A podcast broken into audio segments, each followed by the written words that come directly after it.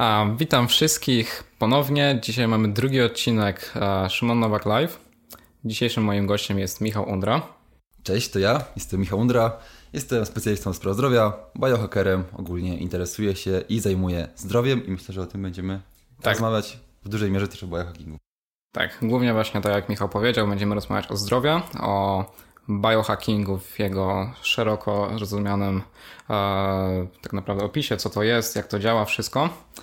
I zacznijmy od tego, jak to się stało, że właśnie wkręciłeś się w ten świat dietetyki, e, biohackingu, tego zdrowego stylu życia. Jak, jak to się wszystko zaczęło? Skąd taki pomysł na siebie? Jak większość osób, myślę, że w tej branży, wśród mężczyzn szczególnie i w podobnym wieku, zaczęło się wszystko od kulturystyki, od budowania mięśni i tak To takie było bardzo popularne w młodszym wieku, wiadomo, wiele osób tak trenuje. No i zacząłem zgłębiać tematy najpierw po prostu takiej diety typowo mm, kulturystycznej, treningu i tak dalej, i tak dalej. No i potem jakoś to mm, interesując się tym, doszedłem do jakichś tam innych rozwiązań dietetycznych, w ogóle szerszego aspektu tego zdrowia, bo wiadomo, że dieta kulturystyczna nie zawsze musi być zdrowa.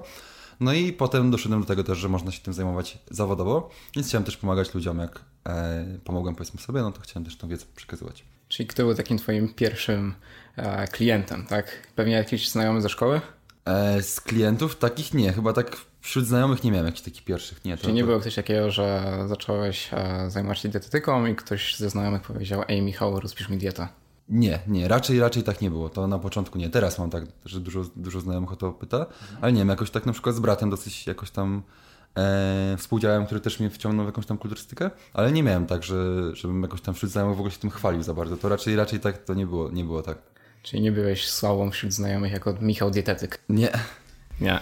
Teraz się wszyscy ten, tak, pół żartem, pół serio, wszyscy mówią, że taki dietetyk i tak dalej, dopóki nie zacznę jeść. Dopóki nie zaczniesz jeść. A rodzice, bo powiedziałeś, że brat e, właśnie cię wciągnął w tą kulturystykę, czyli e, twój brat jakby to zaczął, e, później ciebie wciągnął, czyli rodzice już jakby byli, już wiedzieli coś, jak to się je, z czym to jest, czy raczej też musiałeś jakby ich tak wprowadzić, że to co robisz to jest ok, czy jak to wyglądało? No nie, nie, raczej nie, przez dłuższy czas nie, zdecydowanie moi rodzice są z takiego pokolenia, że studia hmm. są najważniejsze i w ogóle jakieś tam wykształcenie, ogólnie kierunki ścisłe bardzo polecane. I po prostu trzeba karierę robić taką, tak, jakąś tam mhm. normalną, standardową, więc nie podchodzili do tego jakoś na początku, szczególnie przez pierwsze tam parę lat, bo to też zajęło dużo, dużo czasu. Mhm. E, poważnie do jakiejś tam dietetyki, w ogóle do zdrowia, w sensie, że też można się zajmować też zawodowo. I tak samo mój brat jest trenerem, no to też tam trochę mhm. zajęło, zanim to e, jakoś tam się, no zaakceptowali to powiedzmy. A, czyli musiałeś ich przekonywać przez dłuższy czas. A kiedy był taki moment przełomowy, że powiedzieli: OK, Michał, jesteś dietetykiem, w porządku, żyj sobie? Znaczy, nie wiem, czy przekonywałem, bo nie, nie zależało mi chyba na tym, żeby ich specjalnie mhm. przekonywać, tylko to jakoś było naturalnie. Chyba nie było jakiegoś takiego konkretnego momentu, że w tym momencie, wiesz, tak jakby to się zmieniło, mhm. ale myślę, że jakieś tam wyprowadzki pierwsze to już były takie momenty, że dobra, mhm. no jednak radzi sobie sam, no tak. no to jest dietetykiem go, no. i może, może sam się wyprowadzić, sam zarabia. Tak, jest... tak, tak. No i wtedy go, już wtedy bardzo duże wsparcie. A brat jest trenerem. Tak, między też, innymi. Też tak sam z siebie o tym zaczął, czy? No, no, to też, bo my zaczynaliśmy trenować bardzo wcześnie. Mhm. Pierwszy, pierwszy hunt nam tata kupił, jak mój brat miał z 12 lat, ja miałem z 10. Mhm. E, no i potem jakiś tam siłownia w piwnicy i tak dalej. No i to były treningi właśnie z kumplami, z jakimś tam większą ekipą. No i studiując też, mój brat akurat studiował technologię żywności, żywienia, mhm. jakiś taki, e, nie dietetykę. E, zaczął się tymi treningami bardziej interesować, zrobił kursy, jakoś tam zatrudnił się w jednej siłowni, drugiej, jakoś tak też to połączone było w miarę. Ale to też, też no, dosyć długo zajęło. To nie było tak, że nie wiem, skończył liceum i od razu był trenerem. Nie? No, to naprawdę długo zajęło też. Bo w Twoim przypadku, bo też a, rozpisujesz ludziom treningi? Nie, nie, treningi nie. Już, aha, nie. nie. Czyli ogólnie Ty jesteś tylko w, ściśle w samej dietetyce. Tak, znaczy dietetyce i biohackingu, właśnie tak, w suplementacji. Tak, biohackingu, ale to zaraz. Mm -hmm, Czyli ogólnie sama dietetyka tak, i tak. tak samo jak e, stwierdziłeś, że będzie się rozwijać w tym kierunku, to ci jakoś nie zależało za bardzo na e, bardziej tym aspekcie treningów, tylko konkretnie dieta, jak to wpływa na nasze zdrowie. Znaczy na początku tak, chciałem to godzić mhm. jedno z drugim, ale uważam, że nie da się dobrze e, zajmować się i treningiem i dietetyką. Dietetyka, jeżeli już wchodzimy w jakąś tam i kliniczną i w ogóle jakieś tam choroby i tak dalej i suplementację, to jest, można tym po prostu się zajmować na pełny etat, cały czas się o tym uczyć.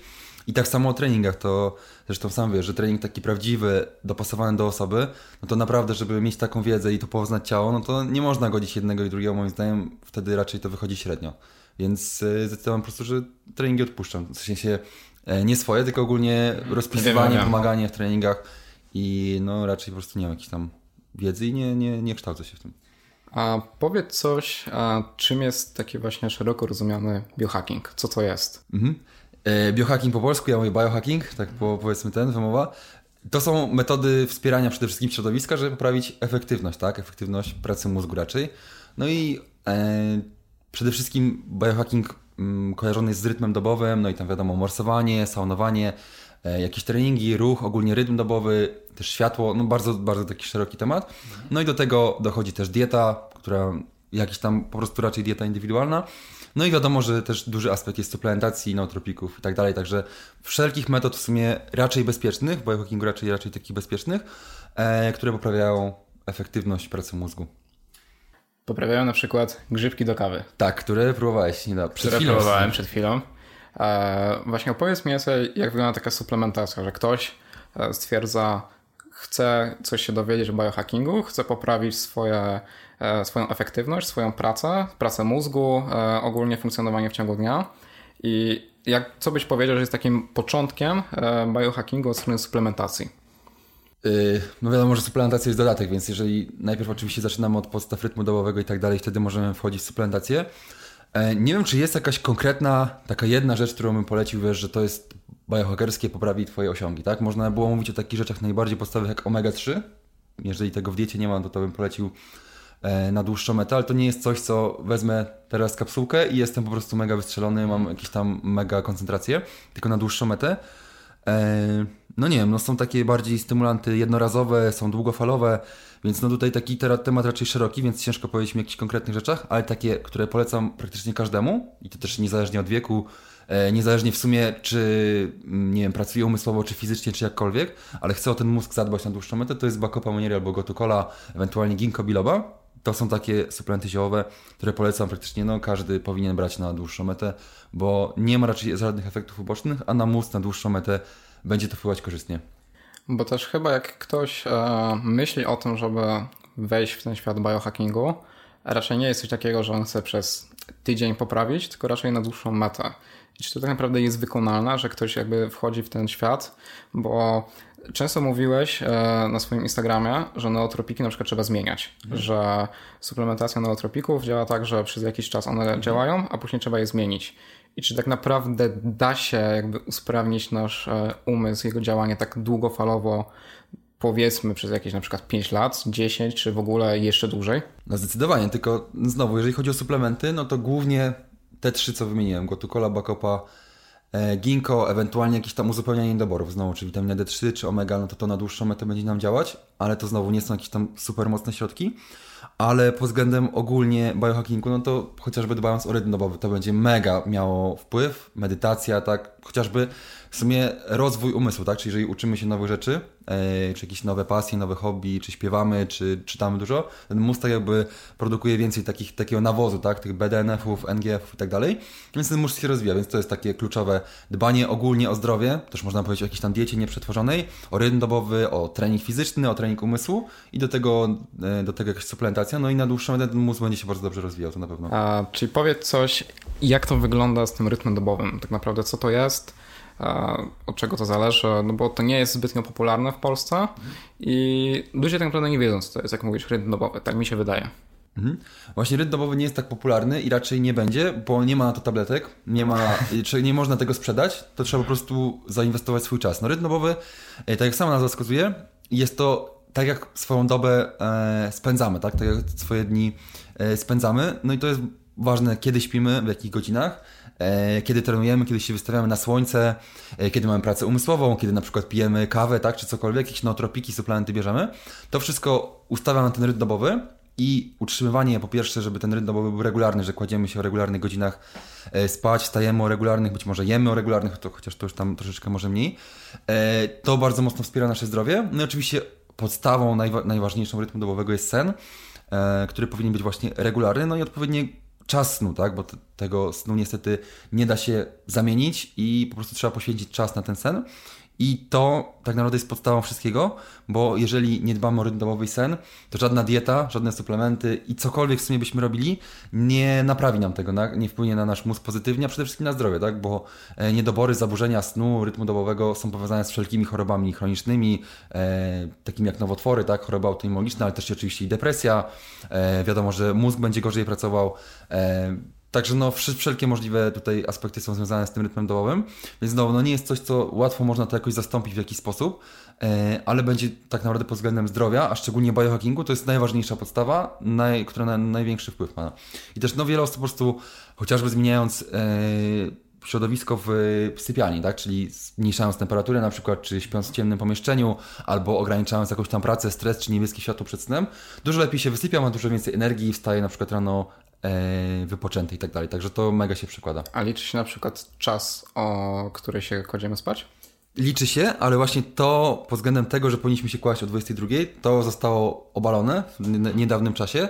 I rzeczywiście sowy i e, skowronki rzeczywiście istnieją i jak najbardziej trzeba dostosować to do siebie. E, mnóstwo osób nie czuje się dobrze kładąc się o 22 i wstając o 6.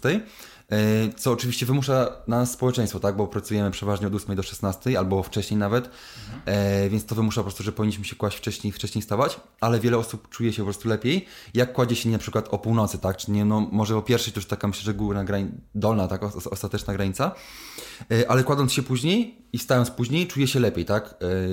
Rano czuje się wypoczętym, w ciągu dnia ma więcej energii i trzeba to dostosować raczej do siebie, jeżeli to jest możliwe oczywiście w związku z pracą, nie wiem, z tam jakimiś tam obowiązkami i tak dalej.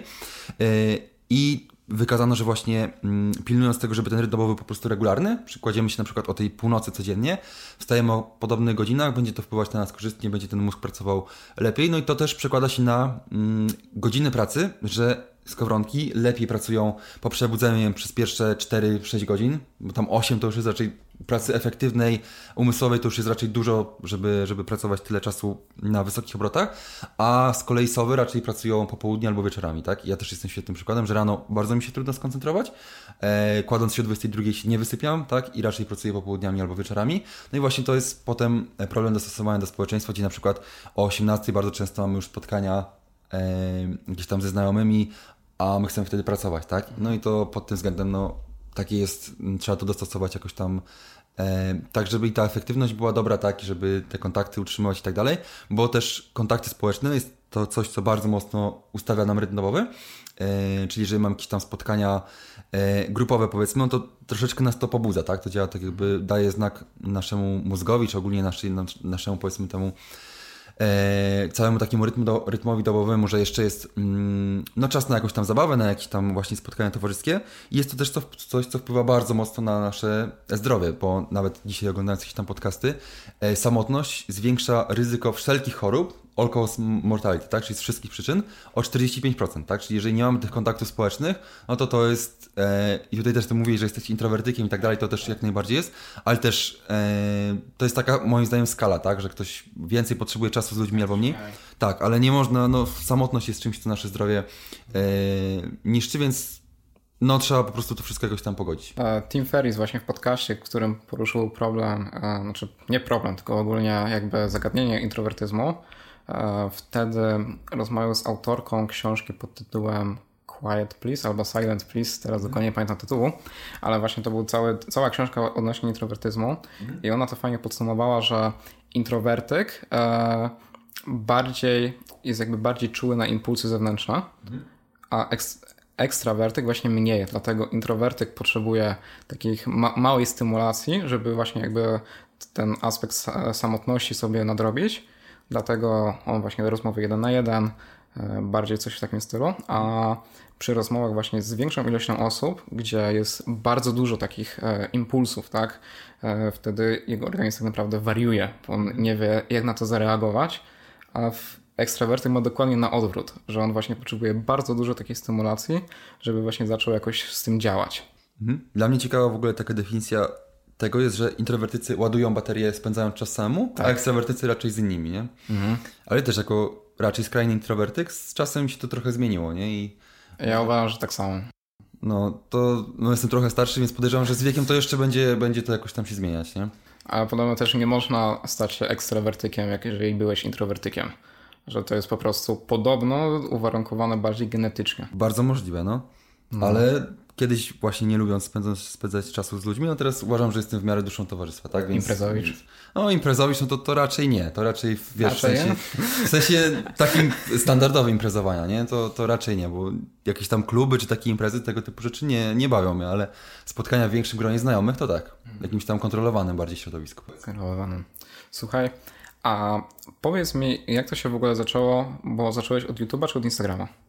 Od YouTube'a, Bardziej o, od jeszcze YouTube'a. nie było wtedy Instagrama, jak zaczynałem. Tak, tam robiłeś chyba, ta, nie pamiętam teraz nazwy, ale coś typu Undra Shores, takie w małe filmy. A, to, to, to, to już jest, to jest kwestia już taka, wiesz, to są ostatnie lata, ale jak ja zaczynałem YouTube'a, to był chyba 2011, to w ogóle było, tych filmów już nie ma, one są tam prywatne, e, ale to były takie, no, śmieszne filmiki przy tablicy, nie? To było, w ogóle wtedy nie było, praktycznie Facebook się rozwijał, e, a Instagrama chyba w ogóle nie było, tak? Więc miałem tylko YouTube'a przez 4 lata chyba.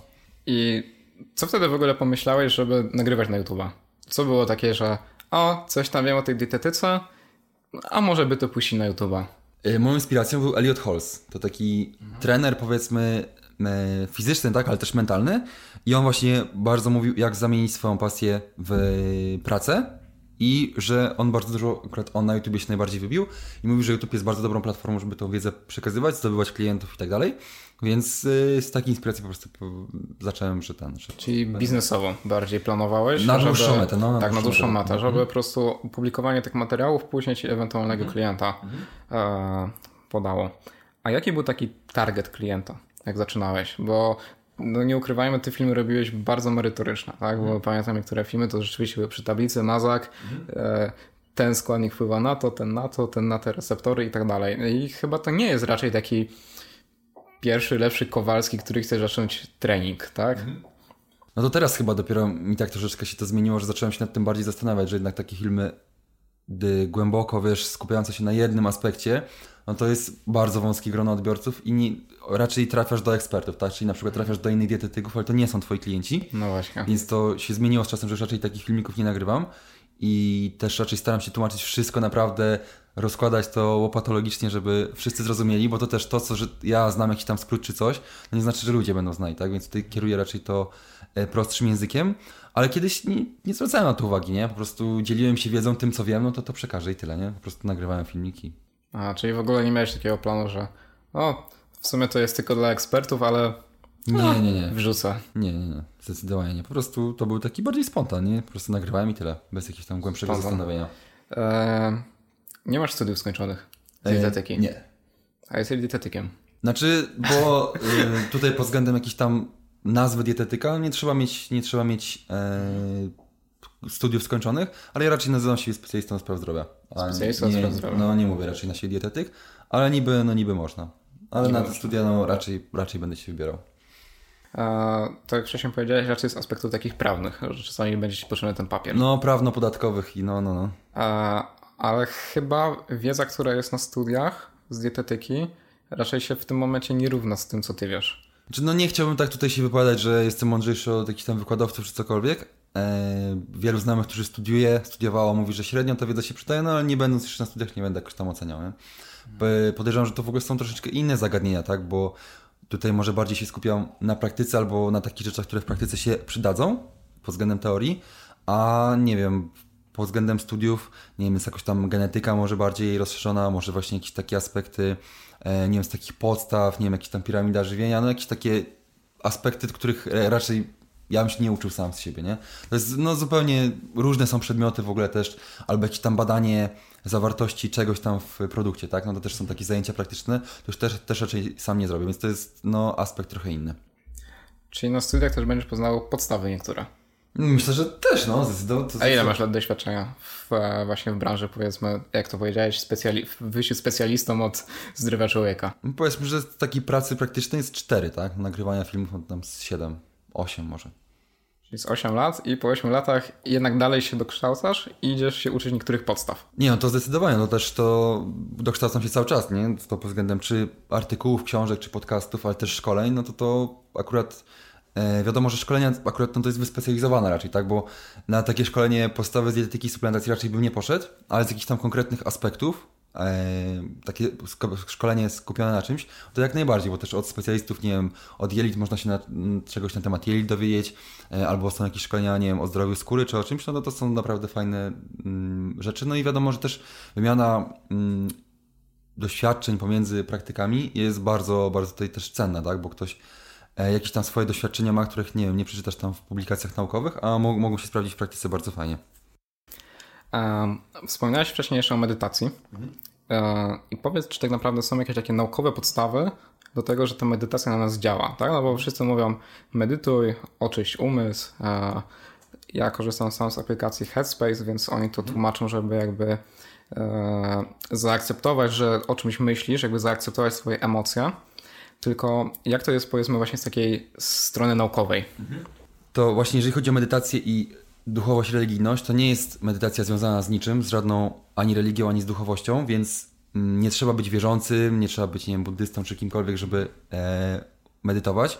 Chociaż w praktycznie każdej religii, na tym najgłębszym aspekcie, jest medytacja, tak? Nawet e, w chrześcijaństwie, w islamie są takie głębokie, powiedzmy, aspekty religijne, gdzie jest to związane z jakąś tam medytacją, modlitwą i tak dalej. Ale w każdym razie ogólnie medytację bada się naukowo pod względem nieduchowym. Po prostu jaki wpływ ma medytacja na zdrowie i zaraz powiem, bo są bardzo różne rodzaje też medytacji, to się naprawdę, naprawdę jest to bardzo szeroki aspekt. No i badań nad medytacją są po prostu tysiące, tak? Pod względem każdym E, chociażby wiadomo, że redukcja stresu to są takie najbardziej znane. E, redukcja stresu też w przypadku chorób chronicznych, tak jak ktoś ma nowotwory śmiertelne, tak, no to ludzie godzą się bardziej ze swoim losem, e, tak, czy tam się nie stresują po prostu tą chorobą. Stres jakikolwiek, nie wiem, w związku, stres w pracy, E, jakikolwiek inny stres psychiczny, e, jest korzystny wpływ na jelita, tak, na przykład na zespół e, jelita drażliwego, który bardzo mocno jest ze stresem związany. Są na agresję, są nawet na rasizm, nawet są badania, gdzie medytacja zmniejsza rasizm, co jest w ogóle jakieś tam zabawne. Oczywiście na bezsenność, na jakość snu, także tych badań jest w ogóle na neurotransmitery, tak, bo w ogóle struktura mózgu u osób długo medytujących się zmienia. Telomery, czyli długość życia, tak naprawdę osoby doświadczone, medytujące długo, mają te telomery bardziej aktywowane, tak? Czyli w sumie jakąś tam długość biologiczną, medytacja na długość biologiczną życia, czy tam na ciało, na, na starzenie się ciała nawet wpływa, tak?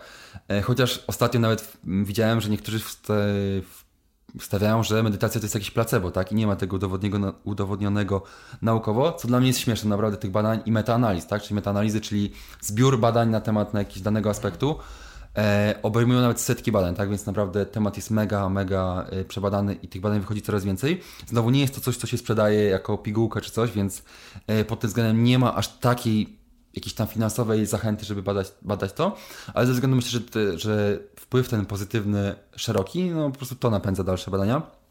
Jeżeli chodzi o medytację, E, tak jak mówiłeś, są te aplikacje jak Headspace i dużo, dużo innych, chociaż ta Headspace jest po prostu... Chyba najbardziej popularna. Najbardziej popularna i potem jest długo, długo, długo nic, tak? Tak. tak. E, I to jest jakaś tam jedna metoda i w ogóle są badania naukowe, że aplikacje działają, co jest ciekawe, że też przebadano mm, te aplikacje. E, ale są, jeżeli chodzi o takie zwykłe rodzaje medytacji, to najczęściej się mówi, kojarzy się medytację z wyłączeniem umysłu, tak? Czyli, że E, podczas... Że nie myślisz o niczym. Tak, ale to jest taki bardzo zaawansowany e, rodzaj i aspekt medytacji, którego żadna osoba przez pierwsze nawet lata medytacji nie ma szans doświadczyć. Tak? To nie jest możliwe, żeby chociażby na 10 sekund wyłączyć swój umysł, czyli że e, siedzisz czy leżysz, bo też jeżeli chodzi o pozycję, zaraz też dojdziemy, że można medytację w każdej pozycji powiedzmy wykonywać, ale wyłączenie umysłu na takie 10 sekund, że masz całkowitą pustkę, E, i w ogóle tak jakby tracisz kontakt z tym, gdzie jesteś i kiedy, e, to jest praktycznie niemożliwe dla osoby początkującej i zawsze jak ktoś zaczyna medytować e, i szczególnie jeżeli uprawia medytację na wyłączenie umysłu, to mu się wszystkie myśli zaczynają tak jakby wylewać, tak? Czyli siadam w chwili ciszy i chcę te myśli wyłączyć, no i wtedy zaczynam... Wszystko nachodzi tak. do umysłu. Jakie problemy miałem, czego nie zrobiłem, co zrobiłem, kogo wkurzyłem, kto mnie wkurzył i na przykład ustawiam sobie tam budzik czy minutnik na 10 minut i przez 10 minut ani sekundy nie było uspokojonego umysłu, tylko tak jakby sobie, nie wiem, te myśli jakoś tam przetrawiłem, tak? I to tak będzie wyglądać przez miesiące, naprawdę przez lata raczej i tego trzeba się spodziewać, ale nawet taka medytacja daje efekty, tak? Po prostu to, że próbujemy się wyciszyć, że ciało e, wyciszamy i pod tym względem jak najbardziej daje to efekty, ale takiej medytacji na wyciszenie umysłu raczej nie polecam na początek, uważam, że to jest zaawansowany model medytacji, a są... Yy, takie podstawowe rodzaje medytacji, na przykład na skupieniu na oddechu, ale to można robić na przykład minutę chociażby, że wdech, wydech i tam albo liczymy, że na przykład robimy wdech na raz, dwa, znaczy w sensie to mówimy po cichu, Aha. albo na głos, no to już w sumie mm, bez znaczenia i to próbujemy w y, umyśle liczyć, no ale znowu po dwóch oddechach zaraz nam myśli przychodzą, tak, i to nam wypada jakby z umysłu. Są takie medytacje mindfulness, że na przykład myjąc naczynia, czy nie wiem, robiąc, pracując, pracując jakieś tam koszule, yy, skupiamy się na ciele, na swoim po prostu, na tym momencie, tak, że nie... Tak, na przykład w Headspace jest, e, jak się, w Headspace jest tak, że e, od początku są jakieś takie najbardziej podstawowe medytacje i to w pewnym momencie ewoluuje mhm. i właśnie tam w jednym momencie e, robili takie ćwiczenia, żeby w ciągu dnia myśleć o tym, jak się wstaje z krzesła. Mhm, mhm. Także bardzo, bardzo fajna opcja. No i wiadomo, że ciężko to będzie zrobić, na przykład, nie wiem, wstając z krzesła, nie wiem, 30-50 razy dziennie. Tak, za każdym razem o tym tak. myśleć, żeby pomyśleć o tym, żeby wstać, nie? Tak. Bo w tym momencie robimy to z automatu. Tak, i na 30 razy na przykład wstając z krzesła, podejrzewam, że 28 razy można o tym zapomnieć, nie? Ale z czasem to się poprawia. Więc to są takie podstawowe też techniki medytacji. Jest medytacja na przykład chodząc, że szczególnie chodząc gdzieś tam po lesie w jakiejś naturze, można bardzo fajnie e, skupić się na odczuciach w ciele, na swoich jakichś tam stopach, na odczuciu wiatru, na jakichś tam zapachach. Są medytacje aktywne i to jest w sumie coś, co polecam najbardziej początkującym. Znowu, medytacji aktywnych jest bardzo dużo rodzajów, ale ogólnie taką, którą najbardziej bym polecał, to jest, że robimy bardzo intensywny wysiłek typu sprinty albo jakieś tam e, przysiady, nie wiem, 20 e, przysiadów do załamania.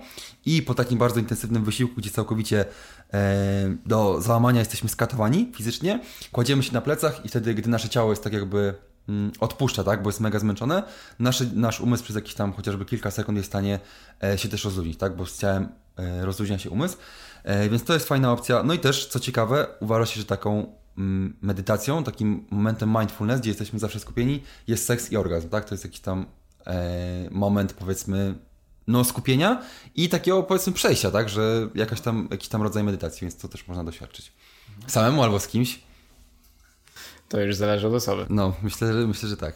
Um, odnośnie jeszcze medytacji, i całego rytmu domowego, to jakie są jeszcze rzeczy, bo jeszcze powiedziałeś o śnie, tak, żeby zmienić te wszystkie powiedzmy warunki w naszej sypialni i tak dalej, a jeszcze jakieś takie rzeczy, które każdy z nas mógłby wprowadzić do życia? Mhm. Znaczy rytm domowy praktycznie większość rzeczy, które w ciągu dnia e, robimy, ustala, tak, wpływa na ten rytm domowy, e, więc bardzo taką ważną rzeczą w ciągu dnia, którą powinniśmy bardzo robić i znowu pod każdym względem, to jest pod każdym względem zdrowia, pod względem, pod względem samopoczucia i nastroju, jest wystawianie się na światło słoneczne, typowo na zewnątrz.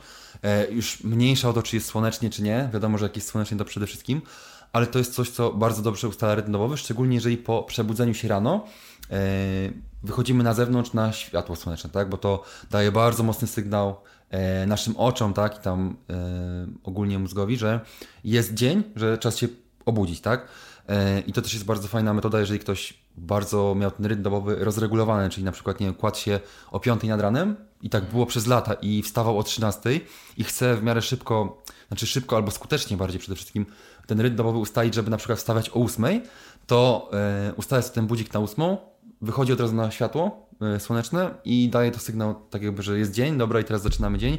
Wiadomo, że to potem będzie się jakoś tam przekładać na zmęczenie przez pierwsze dni, ale to jest bardzo dobry, dobra metoda na resetowanie i ustawianie rytmu dobowego. I ogólnie w ciągu dnia powinniśmy na tym słońcu sporo przebywać, tam są różne opinie ile czasu, ale w każdym razie tak naprawdę im więcej, tym lepiej, nie doprowadz, do, doprowadzając do poparzeń słonecznych, bo jak się poparzymy, to wtedy e, to jest ta dawka czyni truciznę, tak? Poparzenia słoneczne, już przekraczamy dawkę e, dla nas zdrową i sobie szkodzimy, ale ogólnie jeżeli jesteśmy tyle na słońcu, nawet na plaży czy gdziekolwiek, że się nie, nie, nie poparzymy słonecznie, to nie powinniśmy też ani z filtrów, ani innych rzeczy korzystać, tylko na to słońce się wystawiać, bo to jest po prostu dla nas bardzo zdrowe i wiadomo, że człowiek od zawsze na tym słońcu przebywał, tak? Mhm. Wiadomo, że tutaj e, kolor skóry bardzo mocno na to wpływa, jako taki albinos za długo na słońcu nie będę przebywał, ale jak ktoś ma no, jakąś taką karnację w miarę ciemną, no to wiadomo, że się tam może nie wiem, godzinę na słońcu bez problemu leżeć i się nie, nie opali. I też osoby im ciemniejszą mają karnację, tym więcej tego słońca potrzebują, tak? Bo osoby z czarną karnacją E, dużo gorzej produkują witaminę D, tak? I ogólnie wiadomo, że są na słońce odporniejsi. Więc jeżeli ktoś z ciemną karnacją mieszkał w Polsce albo już w ogóle w Skandynawii, to wiadomo, że problem chociażby z produkcją witaminy D e, jest dużo większy, ale to tylko jeden z aspektów, tak? Bo słońce nie, nie wpływa tylko na witaminę D, ale na neurotransmitery, na ciśnienie krwi i tak dalej, i tak. Więc to jest jedna rzecz, żeby ogólnie w ciągu dnia wystawiać się na słońce. I co ciekawe, wystawianie się na słońce bardzo dobrze wpływa na sen, tak? Czyli jeżeli jesteśmy więcej na zewnątrz, na słońcu w ciągu dnia, to śpimy lepiej, głębiej i ta jakość snu jest lepsza. Trening jest na pewno mega ważną rzeczą, która reguluje, ustawia rytm dobowy i na pewno nie zaleca się trenować bardzo późno, tam godzinę, dwie przed snem na pewno nie. Wiadomo, nie mówimy tutaj o spacerze, tak? Bo spacer to nie jest trening. E, chyba, że biegamy na bieżni, tak? W sztucznym oświetleniu w siłowni, no to to już jest bardzo stresujące dla naszego organizmu.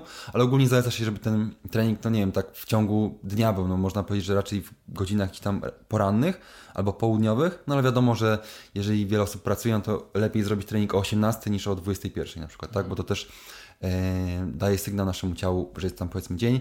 Na pewno odżywianie, tak, i tutaj ogólnie, jeżeli patrzymy tylko pod kątem rytmu dobowego e, u zdrowej osoby, na pewno spożywanie kolacji mniej niż godzinę przed snem nie jest skazane, tak? No bo to też wpływa na jakość snu negatywnie praktycznie zawsze. No ale znowu w dietetyce klinicznej są osoby, które powinny jednak spożywać kolację krótko przed snem, bo na przykład cukier im spada w nocy, jak nie zjedzą tej kolacji, więc tutaj to, to już jest indywidualne, ale ogólnie to jak się odżywiamy jest też bardzo ważne e, i pod względem rytmu dołowego raczej ważniejsze są śniadania niż kolacje, chociaż bardzo dobrze też sprawdza się u wielu osób intermittent fasting, czyli po prostu pomijanie śniadania, więc to też akurat dietę, to kiedy jemy i jak jemy, no dostosowujemy do siebie siebie, tak? Bo jak ktoś ma więcej aktywności, to będzie miał inną dietę niż ktoś siedzący przy biurku, więc no to taki aspekt e, dosyć szeroki. E, tak jak mówiłem, na pewno kontakty społeczne, praca też jak w jakimś tam stopniu ten rynek dobowy e, nam ustawia, no bo raczej nie powinniśmy też spracować w godzinę przed snem, tak? Bo to jest jakiś tam stresor dla, dla naszego organizmu i coś ten mózg tak jakby napędza, pobudza, a przed snem wiadomo, że powinniśmy się wyciszać, tak? E, no i właśnie te warunki mm, podczas snu są też mega ważne, żeby spać właśnie w ciemnym, chłodnym pomieszczeniu, przewietrzonym. E, no i tam też na przykład oddychanie nosem jest bardzo wskazane, tak? Czyli zaklejanie... Ostatnio właśnie na Instagramie promowałeś mouth taping. Tak, czyli zaklejanie ust, bardzo fajna praktyka, bo jeżeli ktoś chrapie w ogóle w nocy, albo ma ten bezdech senny, tak, czyli po prostu jemu się oddech zatrzymuje, no to jest bardzo szkodliwe ogólnie dla snu, jakości snu to, to, to na pewno, ale jest bardzo szkodliwe dla zdrowia, tak, bo okazuje się, że jakiś tam bezdech senny zwiększa ryzyko na przykład chorób sercowo-naczyniowych, ale innych też prawdopodobnie. E, wiadomo, że to też dotyczy szczególnie osób na przykład otyłych, tak, czy ogólnie z dużą masą mięśniową też. E, więc zaklejanie ust powoduje to, że po prostu jesteśmy zmuszeni oddychać nosem e, i teraz w ogóle jest bardzo dużo, mm, e, mówi się o przewadze tlenowej, tak? Jest taka książka i w ogóle to są jakieś warsztaty, jakieś tam, znowu to nie jest jakaś tam moja dziedzina jakaś mega zainteresowań, ale w każdym razie bardzo dużo mówi się o tym, żeby oddychać nosem i w trakcie wysiłku, i w trakcie snu, i w trakcie spoczynku, że to jest dla nas bardzo zdrowe, my jesteśmy do tego przyzwyczajeni i to i wpływa na jakąś tam reakcję stresową i na zdrowie. I właśnie takie zaklejanie ust powoduje, że w nocy powinniśmy oddychać tym nosem. Yy, I tutaj też w ogóle jest bardzo dużo osób, które się boi, że się udusi czy cokolwiek, ale my nie nie strzywamy tych ust, czy nie bandażujemy ich, żeby, żeby to było na stałe. Więc jeżeli ktoś ma nie wiem, mocno ten zatkany nos czy cokolwiek, no te usta się odkleją albo osoba się obudzi, tak? To nie jest tak, żeby można było od tego umrzeć i się udusić, tak? Że zatkamy usta i nos nie będzie oddychał i ten, wiadomo, że ciało jakoś to będzie regulować. E, I też taśma ta jest na tyle, powiedzmy, lekko przyklejona, że znowu jak będzie jakiś mechanizm fizyczny, czy będzie jakieś duże ciśnienie, to się odklei, więc też nie jest tak, że to jest jakoś tam niebezpieczne więc polecam każdemu spróbować. Chyba, że ktoś ma jakieś tam uszkodzenia przegrody nosowej, czy w ogóle jakiś tam po prostu ten nos nie jest drożny, to wiadomo, że to jest zupełnie inna kwestia. E, I wtedy to nie ma sensu raczej, tak? Bo nie, ta taśma przegrody nosowej nie ustabilizuje, tak? Więc pod tym względem. Ale wiele osób e, widzi poprawę jakości snu po prostu stosując mouth taping. No to jest e, praktycznie darmowa metoda, która nie zmienia nam czasu snu ani nic, tylko po prostu zaklejamy te usta, a już jest jakość snu lepsza, tak? Więc jest bardzo dużo takich małych aspektów, które na ten sen mogą wpływać i często są po prostu darmowe, łatwe i jakoś tam e, przyjemne.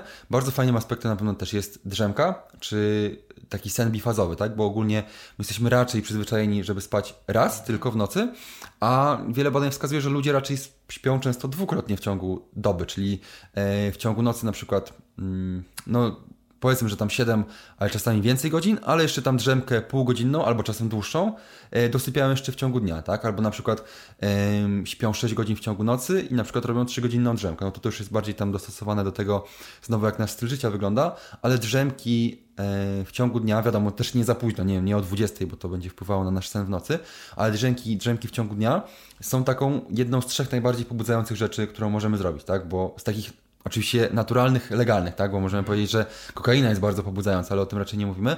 Ale właśnie drzemka jest raczej najbardziej 30-minutowa, e, tak? Bo raczej nie zaleca się dłuższych drzemek niż 30 minut e, bo później jest się ciężko z nich wybudzić. Chyba, że ktoś krótko śpi w nocy, no to wtedy to już tam są dłuższe drzemki, ale to już tam to taki troszeczkę inny aspekt.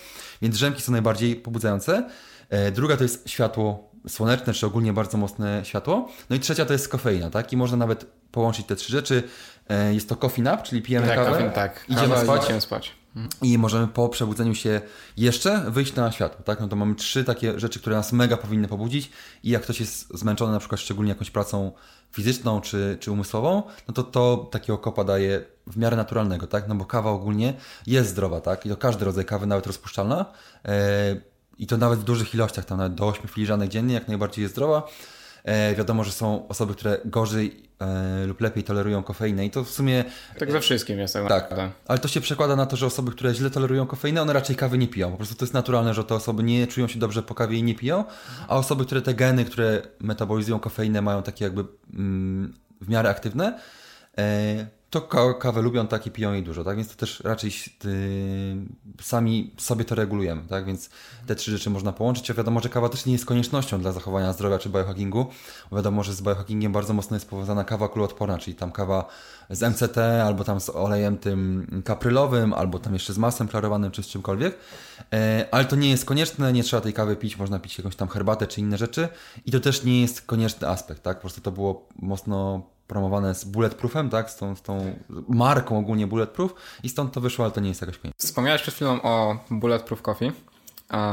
Wydaje mi się, że na niej był taki boom, taki szał, jak wchodziło bardziej, większa popularność na dietę ketogeniczną, tak? Mhm. Czyli dla osób, które są nieświadome, dieta ketogeniczna to jest dieta, w której mamy przewagę, w diecie mamy więcej tłuszczy niż tak naprawdę innych składników. Mhm. E, mówi się zazwyczaj, że 80% podaży kalorycznej jest tłuszcza. Mhm. I co w ogóle jakby powiedzmy sądzisz o tej diecie, tak? Bo ona, można powiedzieć, że był na nią taki wielki hype, później to spadło, teraz się to troszkę bardziej unormowało i jakie jest jakby twoje stanowisko odnośnie ketozy? Mhm. To znaczy to jest tak, że z dietami to jest cały czas ten taka sinusoida, czyli kiedyś był dieta, dieta Atkinsa, która jest jakąś tam wersją ketozy, kiedyś była dieta Kwaśniewskiego i tak dalej. I to wiadomo, że był mega hype, to spadło, teraz to wróciło tam 2-3 lata temu, teraz spadło, bo teraz jest ogólnie w Polsce, w Polsce jest mm, większa moda na diety węglowodanowe, chociaż w Stanach bardzo mocno jeszcze ketoza jest promowana. Y, I podejrzewam, że znowu to później spadnie i wróci, bo ktoś wyda książkę, ktoś nagra film, albo ktoś sławny powie, że stosuje ketozę. Znaczy, jeżeli chodzi o ketozę, czy dietę, keto, dietę ketogeniczną, to jest taka, która wprowadzi na stan ketozy, tak? I tutaj te 80% to nie jest takie dokładne, bo jak ktoś bardzo dużo trenuje, to może jeść i 200 gramów węgli i będzie w ketozie, tak? Bo on będzie to bardzo mocno wykorzystywał.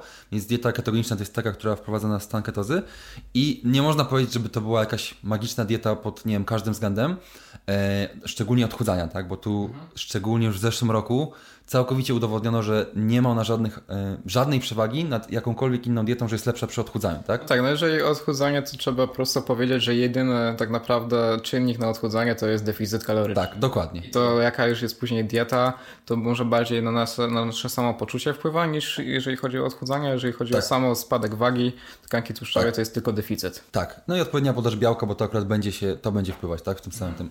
E, ale ketoza może mieć fajne aspekty pod względem e, pracy mózgu, jakichś tam zaburzeń neurologicznych i tutaj wiadomo, że epilepsja jest takim najlepszym przykładem, że mm, często lekooporna epilepsja jest leczona po prostu dietą ketogeniczną, e, różnymi rodzajami, tak? Bo też jest taka dieta ketogeniczna, o której my mówimy, ale jest też taka dieta ketogeniczna, która opiera się na ogromnej ilości MCT, tak? Po prostu MCT się dodaje, czyli taki ekstrakt powiedzmy z kokosa, czy tam z oleju, oleju palmowego, który wprowadza nas w ketozę.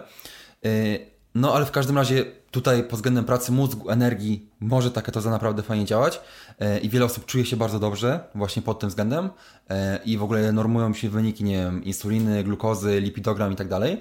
E, nie wiem, mniej się śpi, więcej mamy energii, mózg lepiej pracuje. Więc jeżeli ktoś się na tym czuje dobrze, no to świetnie, wspaniale. To uważam, że powinien to stosować na tyle, na ile to mu pozwala, powiedzmy, samopoczucie. Jeżeli ktoś się czuje źle, no to nie powinien stosować i tyle. Ale też raczej ketoza nie powinna być taką dietą stałą, czyli że e, przez 5 lat jemy na przykład 30 gramów węglowodanów i mniej dziennie i tak jest codziennie, tak? To jest najgorsze, co można zrobić, bo dieta ketogeniczna powinna być dostosowana do rytmu rocznego i do naszych aktywności, czyli jeżeli mamy duże treningi, to jemy węgle po treningu, albo przed nawet treningiem, to już tam zależy od osoby, e, a jak jest lato, to raczej te węgle podbijamy, tak? Ketoza najlepiej się sprawdza jak jest zimno, bo to jest tak jakby nie ma na zewnątrz za bardzo słodkich rzeczy, tak? Nie ma owoców i tak dalej, więc wtedy lepiej ta ketoza się dopasowuje E, do nas. No ale znowu to też nie musi tak dokładnie wyglądać, no ale tą ketozę powinniśmy zmieniać i znowu jakieś ładowanie i raczej cykliczna ta ketoza e, to jest dużo lepsze rozwiązanie, bo u wielu znajomych wtedy, jak ten, ten boom na keto był, i w sumie chyba też, e, byliśmy na keto, nie wiem, 3, niektórzy 6 miesięcy, ale każdy z tej ketozy zrezygnował, bo na dłuższą metę to nie jest po prostu te wszystkie aspekty pozytywne, jakoś to się kończy, załamuje i e, jest taki moment, że po prostu potrzebujesz tych węgli, potrzebujesz tą metę. Samopoczucie czy przez coś innego?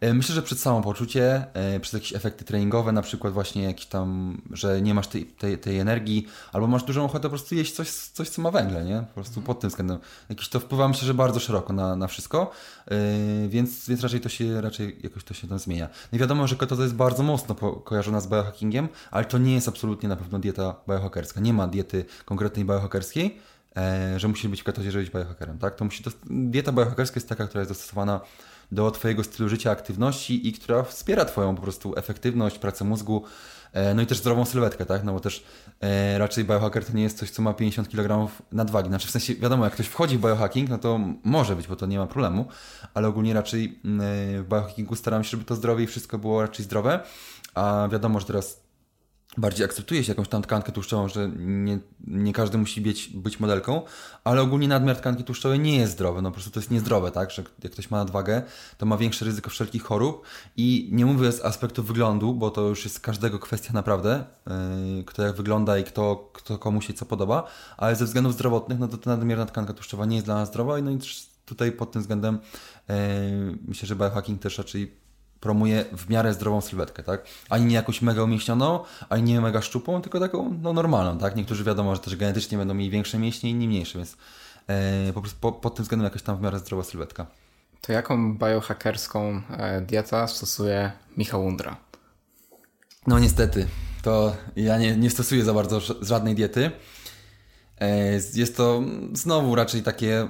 Mm, zmienne i takie dostosowane do tego, co, na co mam czas, co mam czasu do, ugotować na przykład, czy zrobić, czy też gdzie jestem, tak, bo e, raczej teraz skupiam się na węglowodanach, zdecydowanie i nie jem jakoś dużo tłuszczy nasyconych na przykład, czyli wręcz odwrotnie, tak, to nie jest w przeciwieństwie jakieś tam ketozy e, i raczej w diecie mam więcej na przykład makaronów, ryżu, czy jakiś tam chleba, e, a jeżeli chodzi o jakieś tam źródła białka, mięsa, to raczej chude wszystko, e, raczej nie wiem, jakichś tam tłustych mięs, jakoś w ogóle e, to jest dostosowane myślę też do mojego samopoczucia, bo kiedyś na przykład jadłem bardzo dużo jajek, e, później jakoś tak po prostu mój organizm tych jajek za bardzo nie tolerował, ale pod tym względem, że nie miałem ochoty ich jeść i przez dwa lata nie jadłem w ogóle.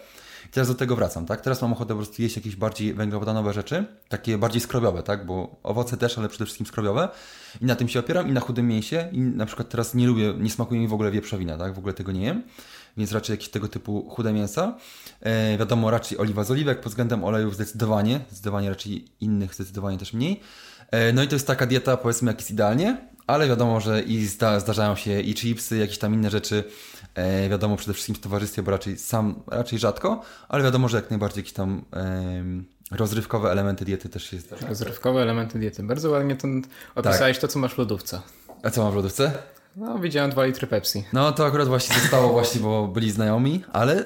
Czyli nie twoje. Najlepsze, znaczy, no wiesz, mo, powiedzmy, że jest moje, ale najlepsze jest, że akurat stoi to w lodówce od środy i nie wypiłem. A przeważnie zdarza mi się, że tak akurat, bo y, nasza silna wola y, jest mięśniem, który, tak jak mięsień, który się męczy. Czyli jeżeli y, ktoś się odchudza i ma ciasteczka na przykład na stole i 20 razy dziennie na nie patrzy i za każdym razem sobie no, odmawia, tak? Bo są te ciasteczka i mówi, że ich nie zjem, to osłabia swoją siłę woli, która w ogóle wpływa na całe nasze życie, tak? Czyli to, że odmawiam sobie ciasteczek, na przykład może wpłynąć na to, że e, no nie wiem, pójdę ubrać hazard, no można już do tego to porównać, ale nie wiem, zapalę papierosa, tak? Bo to jedno z drugim jest związane, albo e, zamiast pracować, będę grał w FIFA, tak? To też tym, jak będę sobie odmawiał ciasteczek, to jest większa szansa, że potem zamiast pracować będę grał w FIFA, bo to wszystko się przekłada na całe życie, cały aspekt tak jakby dzienny. E, więc e, przytrzymywanie jakichś tam ciasteczek, szczególnie przy odchudzaniu i jakiejś tam niezdrowej żywności, jest bardzo niewskazane, bo tą siłę woli nam osłabia i znowu w aspekcie diety, ale w ogóle całego życia. I ja mam akurat tak, że jak ciasteczka mam w domu, to raczej je zjem, dlatego tych ciasteczek, jakichś tam napojów, raczej zdecydowanie staram się nie trzymać, tak? Znowu to jest tak, że jak mamy, mam gości, no to te ciasteczka kupujemy i przeważnie zostają, no i potem je zjadam, tak? No taki jest problem, ale ogólnie raczej staram się zdecydowanie tego nie mieć po prostu w domu, tego typu rzeczy, żeby też tej siły woli tego wszystkiego nie, nie osłabiać. Wcześniej, jak jeszcze wspomniałeś o rytmie dobowym i dokładnie o wystawianiu się na słońce, e, także wystawiamy się na słońce i to zawsze był dla nas sygnał, że e, trzeba się rozbudzić. To było przez jakiś czas bardzo na przykład promowana dieta paleo, tak, że cofamy się do jakby bycia tym pierwotnym człowiekiem Tak, tak, tak, no. i tak dostosujemy swój żyć, e, styl życia, jak był kiedyś. I czy to ma sens jakiś? Znaczy, styl życia to myślę, że bardzo ciężko, no bo chociażby prąd i elektryczność i światło tak zmienia, że to w ogóle jest nie do porównania, tak? Bo jest na przykład 18 w zimę, jest ciemno, a my siedzimy przy świetle sztucznym. No to, to już jest po prostu nie, raczej nie do ustalenia jakoś tam do, do powrotu. Wiadomo, że można stosować te czerwone, takie lamp, yy, czerwone żarówki, tak? Czy jakieś tam okulary, czy inne rzeczy, żeby to światło ograniczać, co jakimś tam jest dosyć fajnym rozwiązaniem, który w miarę yy, ten rytm dobowy będzie nam regulować ale całkowicie nie da się tego zrobić. Wiadomo, że też w ogóle w tamtych czasach człowiek robił, podejrzewam, że nie wiem, z 30 tysięcy kroków dziennie, bo dużo spacerował. Miał dużą aktywność, ale też dużo odpoczywał, tak? Bo ogólnie e, z tego, co myślę, że wykazano w badaniach, raczej człowiek dużo, znaczy trochę pracował, ale dużo też odpoczywał, tak? No dzisiaj ogólnie jesteśmy na produktywność, e, na zarabianie pieniędzy, na kapitalizm bardzo skoncentrowani, więc pracujemy dużo, mniej odpoczywamy. Znowu aspekt społeczny, to też jest rzecz, którą E, bardzo zaniedbaliśmy, tak? Mało spędzamy czasu z rodziną, z przyjaciółmi. Nawet pamiętam, jak u mnie w rodzinie 20 lat temu, e, praktycznie w każdy weekend rodzina w 20 osób się spotykała i po prostu cały weekend spędzała razem, nie? Teraz to jest praktycznie nikt tak nie robi, tak? Żeby, e, nie wiem, razem gotować, nie wiem, oglądać telewizję czy cokolwiek robić razem, jest, no myślę, że to jest bezpowrotnie stracone i oprócz tego wiadomo telefony, messengery, kontakt z ludźmi jest zupełnie inny, już taki nie bezpośredni, tylko właśnie przez tego typu rzeczy.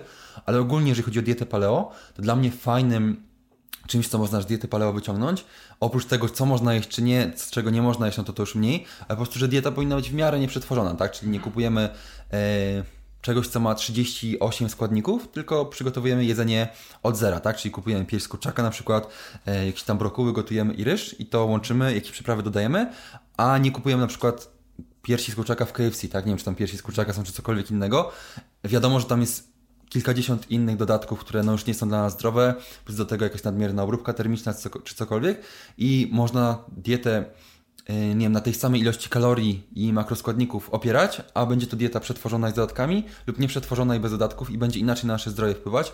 Y, I teraz dużo się mówi o tym, że tylko makroskładniki kalorie się liczą, wiadomo, pod względem sylwetki, no tak, liczą się, ale jestem dużym zwolennikiem, żeby ta dieta była raczej nieprzetworzona, żeby dostarczać więcej owoców, warzyw, skąd mamy więcej witamin i składników mineralnych, jakichś tam w ogóle polifenoli, błonnika i tak dalej, co jest z diety raczej przede wszystkim nieprzetworzonej.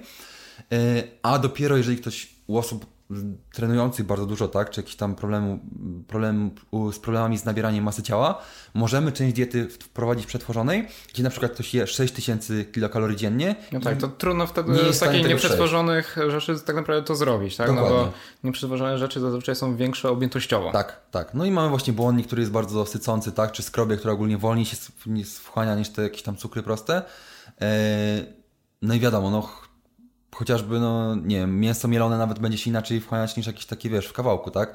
E, a już nie mówiąc o jakichś tam żelkach czy takich rzeczach bardzo mocno przetworzonych, które są też bardzo smakowite, czyli można ich dużo zjeść, one nie, nie powodują takiej sytości, no i w tym wypadku, no wiadomo, można tą dietę jakoś tam bilansować, że jest trochę przetworzonej, trochę nieprzetworzonej, no ale nigdy raczej nie będę zwolennikiem taki, że wszystko ogólnie jest z fast foodów, czy wszystko jest y, takie gotowe do, w sensie do mikrofali, tak, czy że w 5 minut to robisz, no to raczej uważam, że taka dieta no nie jest dla nas naturalna, zbytnio i raczej takiej nie polecam, więc pod tym względem, a pod względem diety paleo takiej, że y, ogólnie taka dieta paleo prawdziwa jest, że eliminujemy wszystkie zboża, strączki, e, psiankowate to już tam różnie, e, orzechy raczej eliminujemy, tak, pod względem nabiału raczej też, jajka też są jakieś tam ten, więc to jest dieta oparta przede wszystkim na mięsie, podrobach, e, jakichś tam warzywach i owocach. E, tego typu diety raczej, raczej nie polecam, raczej od tego odchodzę. Uważam, że jak najbardziej miejsce, miejsce na zboża, na strączki, na orzechy, takie nieprzetworzone przede wszystkim, jak najbardziej w diecie się znajduje i powinniśmy raczej korzystać z jak naj... żeby ta dieta też była bardzo urozmaicona, bo to jest w sumie też bardzo ważny aspekt, że jeżeli ktoś je niby nieprzetworzoną dietę, ale codziennie to jest kurczak, ryż i brokuł, no to to jest dieta bardzo wybrakowana, tak? bo dostarczamy tylko wąską pulę E, mikroelementów, wąską grupę polifenoli, a jeżeli jednego dnia mamy na przykład jako warzywo broku, innego nie wiem, jakiś tam bakłażan, innego cukinia, może pomidor, no to są zupełnie inne związki, których mm, trudno jest dostarczyć, tak? Jak mamy taką dietę e, wąską i nie da się ich dostarczyć z suplementów. Wszystkich polifenoli nie da się dostarczyć z suplementów, bo możemy oddzielnie brać, brać na przykład kwercytynę, oddzielnie resveratrol, nie wiem, oddzielnie alicynę, ale jakbyśmy mieli te wszystkie związki, których wiadomo, że w suplementach nie ma oddzielnie, ale jakbyśmy mieli te, które są w ogóle w suplementach brać i opierać się tylko na suplementach, to by było, nie wiem, kilkadziesiąt różnych składników, których, yy, które po prostu powinniśmy dostarczać z dietą codzienną, tak? Jakichś tam różnych proporcjach, wiadomo, że nie codziennie to samo, ale żeby ta dieta po prostu dostarczała nam tych przede wszystkim polifenoli, błonnika i tak dalej. A właśnie co jakby do cofania się do tego pierwotnego stylu życia, to nie jest właśnie to w pewnym stopniu mm, w tym momencie tak, że przez to, że świat poszedł do przodu, a my się chcemy tak naprawdę cofnąć, jeżeli chodzi o naszą dietę i styl życia, to w tym momencie nie ma, nie ma jakby z tym problemu. Że dysonans taki jest. Tak. Jest, jest. I tutaj w ogóle na pewno człowiek, mm, bo mówi się, że wolno albo szybko, ale na pewno w jakimś stopniu się adaptuje już genetycznie, mhm. no i wiadomo fizjologicznie, do takiego rytmu życia i pracy i wszystkiego, jak jest teraz, tak? Czyli teraz do takiego jedzenia i na przykład do sztucznego oświetlenia i tak dalej, e, my jesteśmy w jakimś tam stopniu zaadaptowani, ale następne pokolenia będą coraz bardziej, tak? Więc to też e, wiadomo, że w ciągu, nie wiem, pięciu lat mm, nie zmienimy całej swojej fizjologii, ale no podejrzewam, że za, nie wiem, za 100 lat, jeżeli to jakoś tam będzie, powiedzmy, postępować w miarę rozwój technologii, to nasze następne pokolenia będą lepiej do tego zaadaptowane, żeby mm, nie wiem, pracować przy sztucznym świetle, czy no nie wiem, ogólnie tam komunikacji przez, przez telefon i tak dalej. Myślę, że po prostu ciało będzie się adaptować, e, ale na tę chwilę uważam, że nie jest na pewno zaadaptowane w 100%, tak, że po prostu... Czyli w tym momencie, tak naprawdę, jeżeli chodzi o nasz organizm, to chyba lepiej się cofnąć, tak, według Ciebie? Myślę, że bilansować to, tak, bo nie da się całkowicie cofnąć, ale minimalizować, no niebieskie światło to jest to akurat czym nikt nie dyskutuje, że jest y, szkodliwe po zmroku, znaczy po zmroku, ogólnie przed snem, że niebieskie światło jest szkodliwe i to jest coś, co na, na pewno powinniśmy zwrócić uwagę, czy przez okulary, czy przez te właśnie yy, czerwone właśnie lampki, czy nie wiem, chociażby spanie w ciemnym pomieszczeniu. To naprawdę musimy, uważam, że każdy powinien na to zwrócić uwagę. A jeżeli chodzi na przykład o mm, jakieś tam promieniowanie z telefonów i tak dalej, z komputerów, to jest temat bardzo kontrowersyjny i wiele osób uważa, że nie ma z tym problemów, e, część uważa, że jest. I tutaj no pod tym względem no, nie będę dał jakichś tam jakichś tam może jednoznacznych zaleceń, ale uważam, że pewne aspekty powinniśmy po prostu e, minimalizować, przynajmniej te, które są mocno potwierdzone i w jakimś tam stopniu żyć w zgodzie z jakimś tam właśnie przede wszystkim to dobowym, bo wszystko w sumie odnosi się najbardziej do rytmu dobowego, tak? No ewentualnie do e, jakichś tam urządzeń elektrycznych, tak? No ale to już Słuchaj, a powiedz mi, jakie są takie, bo tak, rytm dobowy, medytacje, dieta, ale chyba taki najważniejszy czynnik dla osoby początkującej, e, która chce zapoznać się z tym tematem biohackingu, to chyba jednak będzie ten rytm dobowy, tak? Tak, no zdecydowanie to jest rzecz, która e, i pod względem czasu, nie musimy za bardzo inwestować czasu, bo nawet śpiąc tyle samo godzin, poświęcając ogólnie tyle samo na, na powiedzmy rytm dobowy, e, można mieć dużo lepszą efektywność i jest to przeważnie, większość rzeczy jest darmowa albo prawie darmowa, więc nie trzeba też inwestować. No i ze względu na to, że daje nam bardzo duży to efekt taki zwrotu, tak jakby naszej inwestycji, no myślę, że fajnie za, zachęca do dalszych eksploracji, bo to też nie jest tak, że e, sen i rytm domowy mamy ogólne wskazówki, je zastosujemy i wszystko jest ok, tak? No to też jest jakieś Dla każdego to będzie bardziej no. indywidualne. Tak, właśnie chociażby te godziny snu, czy po, kiedy na przykład drzemkę robić, jaką drzemkę, a może kiedy na przykład kawę wypić, nawet to jest, może być kluczowe, nie? Dla naszej produktywności, tak? Czy kiedy jemy posiłki, więc tutaj to jest tak naprawdę są lata doświadczeń, nie? Swoich własnych, tak? Bo to nie jest też... Czyli jakby każdy z nas musi jakby sam tak. za, zaobserwować, e, co dla niego jest dobre, co dla niego tak. działa, co nie. Tak, bo to jest właśnie taki prawdziwy biohacking, tak? Bo ja na przykład daję ogólne wskazówki, e, ale ty sprawdzasz, że nie, że na przykład jakieś tam nootropiki weźmiesz później, tak? Albo położysz się później, wcześniej, albo temperatura zalecana w sypialni powiedzmy jest około 18 stopni, ale dla ciebie jest za zimno, tak? Albo za ciepło nawet, tak? Więc to musisz dostosować. I tak samo, no nie wiem, na przykład łóżko twardsze, miększe, no to też można pod każdym względem na to patrzeć i jeszcze szczególnie, jeżeli ktoś mierzy na przykład tak Oura Ringiem, tak? Bo to jest jedyne dobrze mierzalne Y, urządzenie dobrze mierzące jakość snu. Mhm. Pod tym względem jeszcze można dostosować do tego, jak się czujesz i jak to, jak to jak jakość snu wygląda. I wtedy na przykład patrzę, że jadłem kolację o tej godzinie i o tej jadłem to i to i wpłynęło to na sen tak i tak, albo o tej trenowałem, tak? No i w toku dalszych doświadczeń yy, można to poprawiać. No i znowu, to jest wiadomo, czyjeś wskazówki, ale przede wszystkim też praca własna.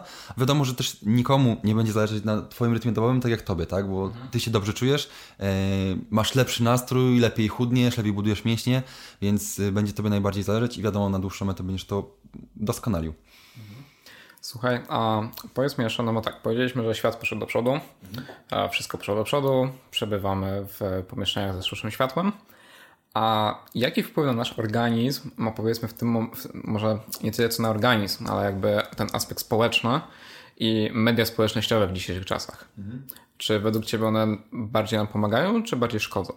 Znaczy ogólnie wiadomo, że nie można na pewno powiedzieć... Na, na pewno nie można wrzucić do jednego worka, tak? tak? Ale to, to pewne. Ogólnie uważam, że na pewno nam szkodzą, bo e, znowu znając wiele osób, jak na przykład, bo teraz Instagram jest dużo już powiedzmy bardziej popularny, tak, niż, niż Facebook, są osoby, które żyją na tyle Instagramem, że wiesz, patrzą dokładnie, kto obejrzał historię, kto polubił, każdą osobę, e, która zaczyna cię followować, sprawdzają, tak, kim on jest, e, czemu polubił, tak, i tak dalej. No to jest po prostu chore, nie? To jest po prostu chore, wpływa bardzo mocno na mózg negatywnie, bo czy na dopaminę, czy na jakieś tam inne neurotransmitery, po prostu cały czas e, jesteś uzależniony od tego feedbacku, tak? Czy ogląda ci więcej osób, ty masz lepszy humor, ogląda ci mniej osób, masz gorszy humor, tak samo więcej lajków, mniej lajków.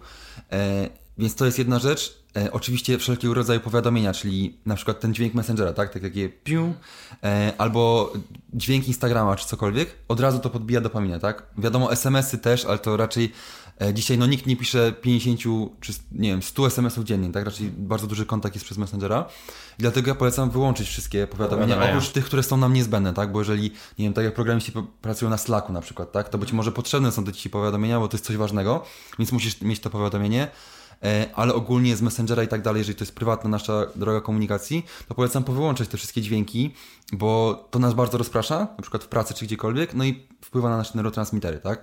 No i wiadomo, że kontakt teraz jest dużo mniej y, osobisty, dużo mniej nawet telefoniczny, a przede wszystkim są właśnie messengery, tak? No i wiadomo, że e, pisząc SMS-y czy jakieś tam wiadomości nie wyrażamy emocji, nie odczytujemy emocji, e, nie mamy tego kontaktu bliskiego. Wiadomo, że bardzo dużym plusem jest to, że na przykład e, jedziemy samochodem, czy gdzieś tam jest jakiś wypadek, czy cokolwiek, to od razu jest kontakt, tak? Wiemy, że się ktoś spóźni, że coś tam się stało. Kiedyś na przykład można było czekać na, na, drugą osobę na spotkaniu dwie godziny i nie wiadomo, że był wypadek. Tak, tak nie wiadomo, co się stało. stało. Znaczy, Albo w ogóle ma. umówiliśmy się w innych miejscach, nie? Ktoś źle zrozumiał i nie było takiej opcji. E, więc to jest bardzo fajne, no ale ogólnie bardzo mocno zanika kontakt jeden na jeden i no, standardem też jest na przykład, że e, jesteśmy w grupie ludzi, tak, i mnóstwo osób siedzi na telefonie, większy czy mniejszy czas, tak? Tak, zamiast rozmawiać ze tak, sobą. Tak, no i na przykład restauracji. przegląda Instagrama, czy pisze z kimś. E, wiadomo, że może coś jest ważnego, na co można tam odpisać, czy nie wiem, coś tam zrobić, ale ogólnie, no, jeżeli to na dłuższą metę występuje, co u wielu osób jest bardzo częste, no to jest bardzo słabe, nie? No bo zamiast kontaktu z ludźmi jeden na jeden prawdziwego, wolimy jeszcze często oglądać po prostu czyjeś story czy coś, no to, no to wiadomo, że to, to jest bardzo negatywne. No i jest mnóstwo osób, które właśnie w ten sposób się jakoś tam izoluje, tak? Podobno to w Korei chyba południowej jest najbardziej e, rozpowszechnione, że ludzie się boją ze sobą rozmawiać, wolą, wolą na przykład siedząc koło siebie pisać jakieś wiadomości. I w Japonii, no w ogóle w tych takich krajach azjatyckich, właśnie Japonia, Korea Południowa, bo miałem przyjemność być w obydwu. O, patrzcie, obejrzyj się. Trochę. Ale właśnie tam widać, tam widać, że po prostu takie społeczeństwo jest e, ciche, mhm. zamknięte w sobie i tak naprawdę każdy, oni tak mówią, że Japończycy e, nie chcą nikomu przeszkadzać, nie chcą jakby wchodzić nikomu w drogę, ale tak po prostu jak widzi się tych ludzi, jak oni chodzą po ulicach po prostu, to wydaje się, że te wszystkie takie smutne po prostu, takie, mhm. że ktoś tłumaczy, że oni nie chcą komuś przeszkadzać, a ty na kogoś patrzysz i jakby widzisz taką po prostu, nie wiem, nie wiem czy może dobre słowo, taką znieczulicę, tak jakby brak emocji w ludziach, którzy po prostu chodzą obok siebie. Być może social media, szczególnie telefony, jakby rozwinęły to, co tam było, tak? Bo tam było to społeczeństwo ciche, a teraz jeszcze to się skupiło na telefonach, tak? No i też na pewno bardzo ważną kwestią, która jest w social mediach mm, taką złą na pewno rzeczą, są związki ogólnie, przede wszystkim damsko-męskie, ale ogólnie też przyjacielskie, bo znając wiele par naprawdę, naprawdę takich instagramowych, przeważnie to, co się pisze, tak, jak się bardzo kochamy i tak dalej, kto po prostu eksponuje swoją miłość na social media, bardzo często w większości przypadków na żywo jest nie jest tak kolorowo, tak? To wcale nie są szczęśliwe związki. I tak naprawdę im więcej jest tego na social media, tym częściej związek na tym cierpi. I w Polsce może to jest jeszcze mało popularne, ale w Stanach już było kilka takich par bardzo znanych. E, na przykład był taki e, kanał Boyfriend vs. Girlfriend i oni robili daily vlogi, tak? Robili to, nie wiem, przez 5 lat i e, wiadomo, wielka szczęśliwa miłość. I oni się rozstali przez to, powiedzieli, że po prostu musieli, była ta presja, że musieli codziennie nagrać vloga, musieli coś rzucić. Czytali te komentarze, jak ludzie ich życie prywatne komentowali i to ich roz, rozwaliło im związek, tak? Były też jakieś takie pary fitnessowe w Stanach, które też się mówiły, że typowo przez social media rozstawały, no i wiadomo, wtedy każdy musi się tłumaczyć, że ta miłość, którą wyznawałem ci na social media, no nie była taka prawdziwa i tak dalej. E, I niestety na tę chwilę bardzo mocno się sprzedaje to, że jak są walentynki, no to jest po prostu mega przykład, tak? Są walentynki, każda influencerka wrzuci jakieś kwiaty, czy dosta, czy jakieś tam serca, jakieś poduszki. Tak, i, i zdjęcia z facetem. No to jest bardzo słabe, bardzo tego nie lubię i uważam, że to nie powinno tak wyglądać. Niestety takie zdjęcia przyciąga, bo to my jesteśmy jako wzrokowcy, tak? Bardzo to przyciąga naszą uwagę, ale chciałbym, żeby to się zmieniało, tak? Żeby ludzie po prostu tego nie oglądali, e, nie lajkowali i nie pisali, jaką wy jesteście szczęśliwą parą na Instagramie, bo e, nawet zdarza się, że niektórzy mówią, że o, oglądam tego i tego, ale oni są szczęśliwą parą na Instagramie. Co to w ogóle znaczy, że ktoś jest szczęśliwą parą na Instagramie? Że w ogóle nawet nie parą, tylko że w ogóle tak. ktoś jest szczęśliwy na Instagramie, tak? Bo na Instagramie pokazujemy tylko i wyłącznie najlepsze momenty. Tak, no naszej... ogólnie na Instagramie każdy jest szczęśliwy, no to to Tak, każdy jest szczęśliwy i każdy ma perfekcyjne życie. Każdy jest bogaty, każdy ma, wiesz, super, super życie, super ten, no. Mhm. I właśnie też, powiem szczerze, że też w taką pułapkę się w jakimś tam stopniu byłem wciągnięty, też z jakimiś tam innymi osobami, od osób ode mnie, powiedzmy, z otoczenia było zależne, gdzie ważniejszy był Instagram niż życie, powiedzmy, w jakimś, znaczy może nie, nie aż tak, tak, ale po prostu bardzo ważne było, żeby każde wyjście na przykład ze znajomymi, żeby to uwiecznić na Instagramie. I teraz w ogóle zrezygnowałem z, z tego. Znaczy, zdarza się, że tak gdzieś wyjdę i wstaję z tego jakiegoś tam story, ale no nie jest to w ogóle jakoś tam, wiesz, ważne. I ważne jest po prostu kontakty z ludźmi. I też przechodząc jakieś tam problemy różne, wiem, że na pewno problemy, y, kontakty z ludźmi, z rodziną, z przyjaciółmi, z jakimiś tam kobietą i tak dalej, no to jest coś, co naj, najbardziej Ci pomoże w problemach i jest najważniejsze w sumie moim zdaniem w życiu, może jakiś tam aspekt duchowy można powiedzieć, E, ale bez tego nie można być szczęśliwym, nie można być samym szczęśliwym. To też jako znowu skrajny introwertyk wiem, że e, człowiek nie może być samotnie sam szczęśliwy i dbanie o te kontakty prawdziwe, nie Instagramy, tylko prawdziwe kontakty z ludźmi, co jest ciężką pracą i poświęceniem czasu, bo musisz z ludźmi rozmawiać, się spotykać. E, to jest najważniejsza rzecz, która najbardziej ci cieszy w życiu i naj, najbardziej daje jakiś tam, wiesz, pozytywny feedback po prostu na nastrój, na wszystko. A oprócz tego samego aspektu właśnie, że mówisz, że wychodzenie ze znajomymi, E, I właśnie media społecznościowe tak naprawdę źle na to wpływają, te pułapki idealnego, perfekcyjnego życia. To wydaje mi się, że może to jest takie bardzo taki bold statement, ale że ludzie w Polsce, mówię bo Polsce, no bo nie wiem jak to wygląda jeszcze za granicą, ty jak już sam powiedziałeś, trochę o Ameryce wspomniałeś, e, że nie wszyscy są na tyle świadomi, żeby poprawnie korzystać z mediów społecznościowych. Że właśnie ta pułapka takiego perfekcyjnego życia e, bardzo krzywdzi inne osoby, mhm. bo te inne osoby, mając do wyboru, e, kogo możemy followować, kogo możemy oglądać, wybierają tak naprawdę osoby, które e, dla nich są jakby w pewnym stopniu może autorytetami, e, a to bardzo się, bardzo jest taka cienka granica w momencie, kiedy to daje więcej plusów, a kiedy daje więcej minusów, tak?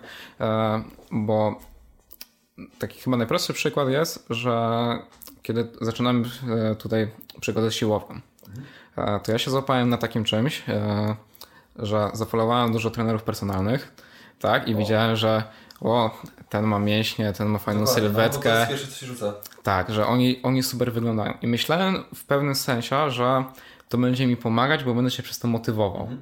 Ale teraz z perspektywy czasu, że wiem, że to zrobiło dużo więcej złego niż dobrego, bo przez to, że ja miałem takie odniesienie, że ten ma, tutaj ma sześciopak, ten ma fajne, szerokie barki, ten ma w ogóle elegancko wyrzeźbione nogi, to miałem taki problem z samą akceptacją mhm. siebie. Że po prostu nieważne jak ja wyglądałem, byłem zawsze niezadowolony z tego.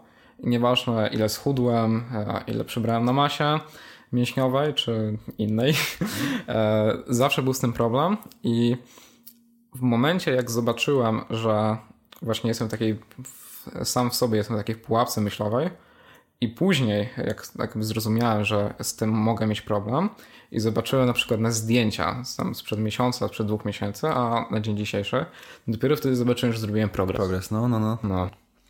Czyli nie porównywanie się do innych też. Ale tutaj też w ogóle pod względem na przykład trenerów, to mega ważne i mega zakłamane jest ogólnie w social media, że mnóstwo trenerów, zawodników i tak dalej jest na towarze, ale nikt się do tego nie przyznaje. I to jest ogólnie bardzo słabe, bo jak ktoś już ma tam doświadczenie, powiedzmy w ocenie męskiej sylwetki, może dziwnie to zabrzmi, ale widać jak ktoś jest na towarze, bo wiesz, są zawody dla naturalnych kulturystów na przykład i wiesz, są mistrzostwa świata dla naturalnych kulturystów, a ty masz jakiegoś instagramera, który dwa lata trenuje i on wygląda tak, żeby ich wszystkich zmiótł i on jest naturalny. No to jest po prostu, wiesz, e, też logika i tak dalej. I no też widziałem i wyniki badań, i wiadomo, z różnymi osobami rozmawiałem, które po prostu mówią, co biorą.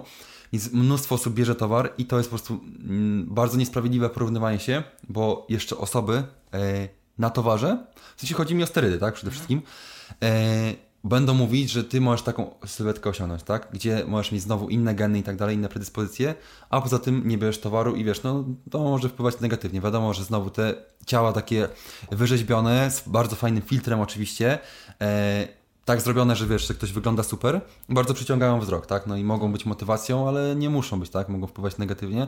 No nie wiem, tutaj czy to wpływa na motywacyjnie, czy nie, ciężko mi powiedzieć. Myślę, że to zależy od osoby, nie? Bo kogoś może to motywować, kogoś nie. E, więc po prostu trzeba właśnie rzeczywiście patrzeć po prostu indywidualnie, tak? Czy to wpływa na Ciebie pozytywnie, czy nie. Tylko wydaje mi się właśnie, że przez to powiedziałem, że ludzie są, mogą być nieświadomi, nieświadomie używać mediów społecznościowych, bo dużo osób właśnie może mieć ten problem, ale nigdy nie pomyśli o czymś takim. Tak, no. Bo właśnie tak na przykład jak ja myślałem, że to mnie motywuje, a jakby nigdy nie pomyślałem, że może to jednak nie jest najlepsze, i tak mi się wydaje, że dopiero jak właśnie pomyślałem w ogóle o tym, że może to mieć jakiś negatywny wpływ, to go zauważyłem. Mhm.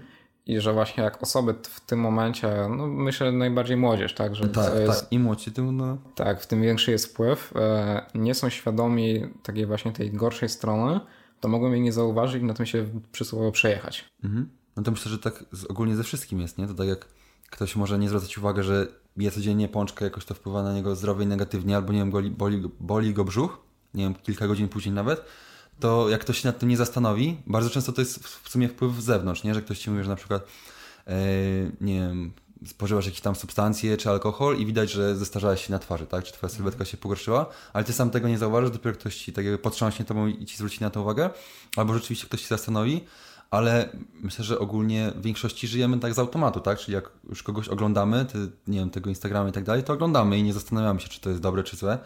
E, więc no, albo jakiś wpływ z zewnątrz, albo jakaś taka autorefleksja, ale to myślę, że z tym ogólnie jest problem, nie? Szczególnie też w mediach społecznościowych, gdzie to jest wszystko takie na szybko, e, instant gratification, tak? Raczej jest wszystko mm, szybko i znowu Instagram jest taki mega wzrokowy, tak, że, że po prostu to przyciąga wzrok i no trudno jest po prostu się nad tym zastanowić, gdzie po prostu patrzymy od razu i coś nam się podoba albo nie wizualnie.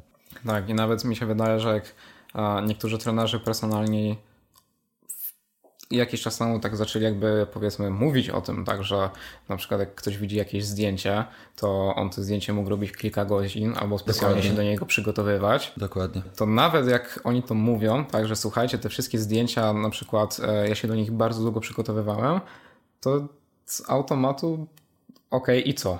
No bo trudno jest się nad tym zastanowić, nie? Że on tak, tak, nie wygląda normalnie. Trudno jest to ten, no ale to naprawdę, no to jest taki, myślę, że ludzki umysł taki jest i że naprawdę trudno jest to zmienić. No jesteśmy po prostu wizualnie przyciągani tym i wiesz, no, po tym też jak ktoś nawet napisze to pod zdjęciem, podejrzewam, że i tak 95% osób w ogóle nie czyta tego, co jest pod zdjęciem, tylko patrzy na zdjęcie i super, nie?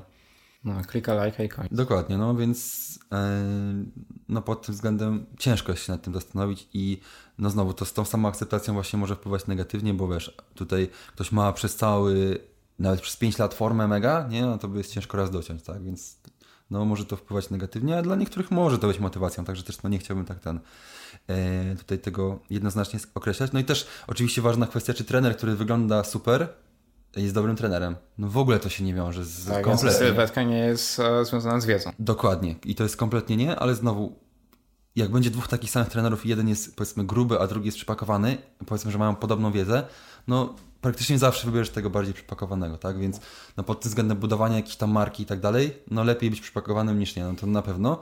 Ale to wiadomo, trener, jako trener, trener personalny to może jakoś to nie jest tak, tak widoczne, ale nie wiem, trenerzy piłki nożnej czy jakieś tam siatkówki to są często wiesz, w wieku 60 lat z brzuszkiem i tak dalej i oni nie muszą się na tym znać. Tak samo są nawet jakieś tam trenerzy podnoszenia ciężarów, którzy no nie, nie są w stanie jakoś tam dwuboju za bardzo w ogóle wykonać, tak? Więc to też w ogóle się nie odnosi, ale naprawdę mi na przykład jest trudno sobie z tym poradzić, że jest trener, który wygląda średnio, w sensie nawet grubo, nawet jest gruby i ciężko mi jest przestawić to myślenie, nawet jak nad tym się zastanowię, że on jest dobrym trenerem, nie? A patrzę na takiego przypakowanego, myślę, podświadomie myślę, że on jest po prostu lepszym trenerem, więc no to jest problem, na który naprawdę ciężko jest jakoś tam rozwiązać.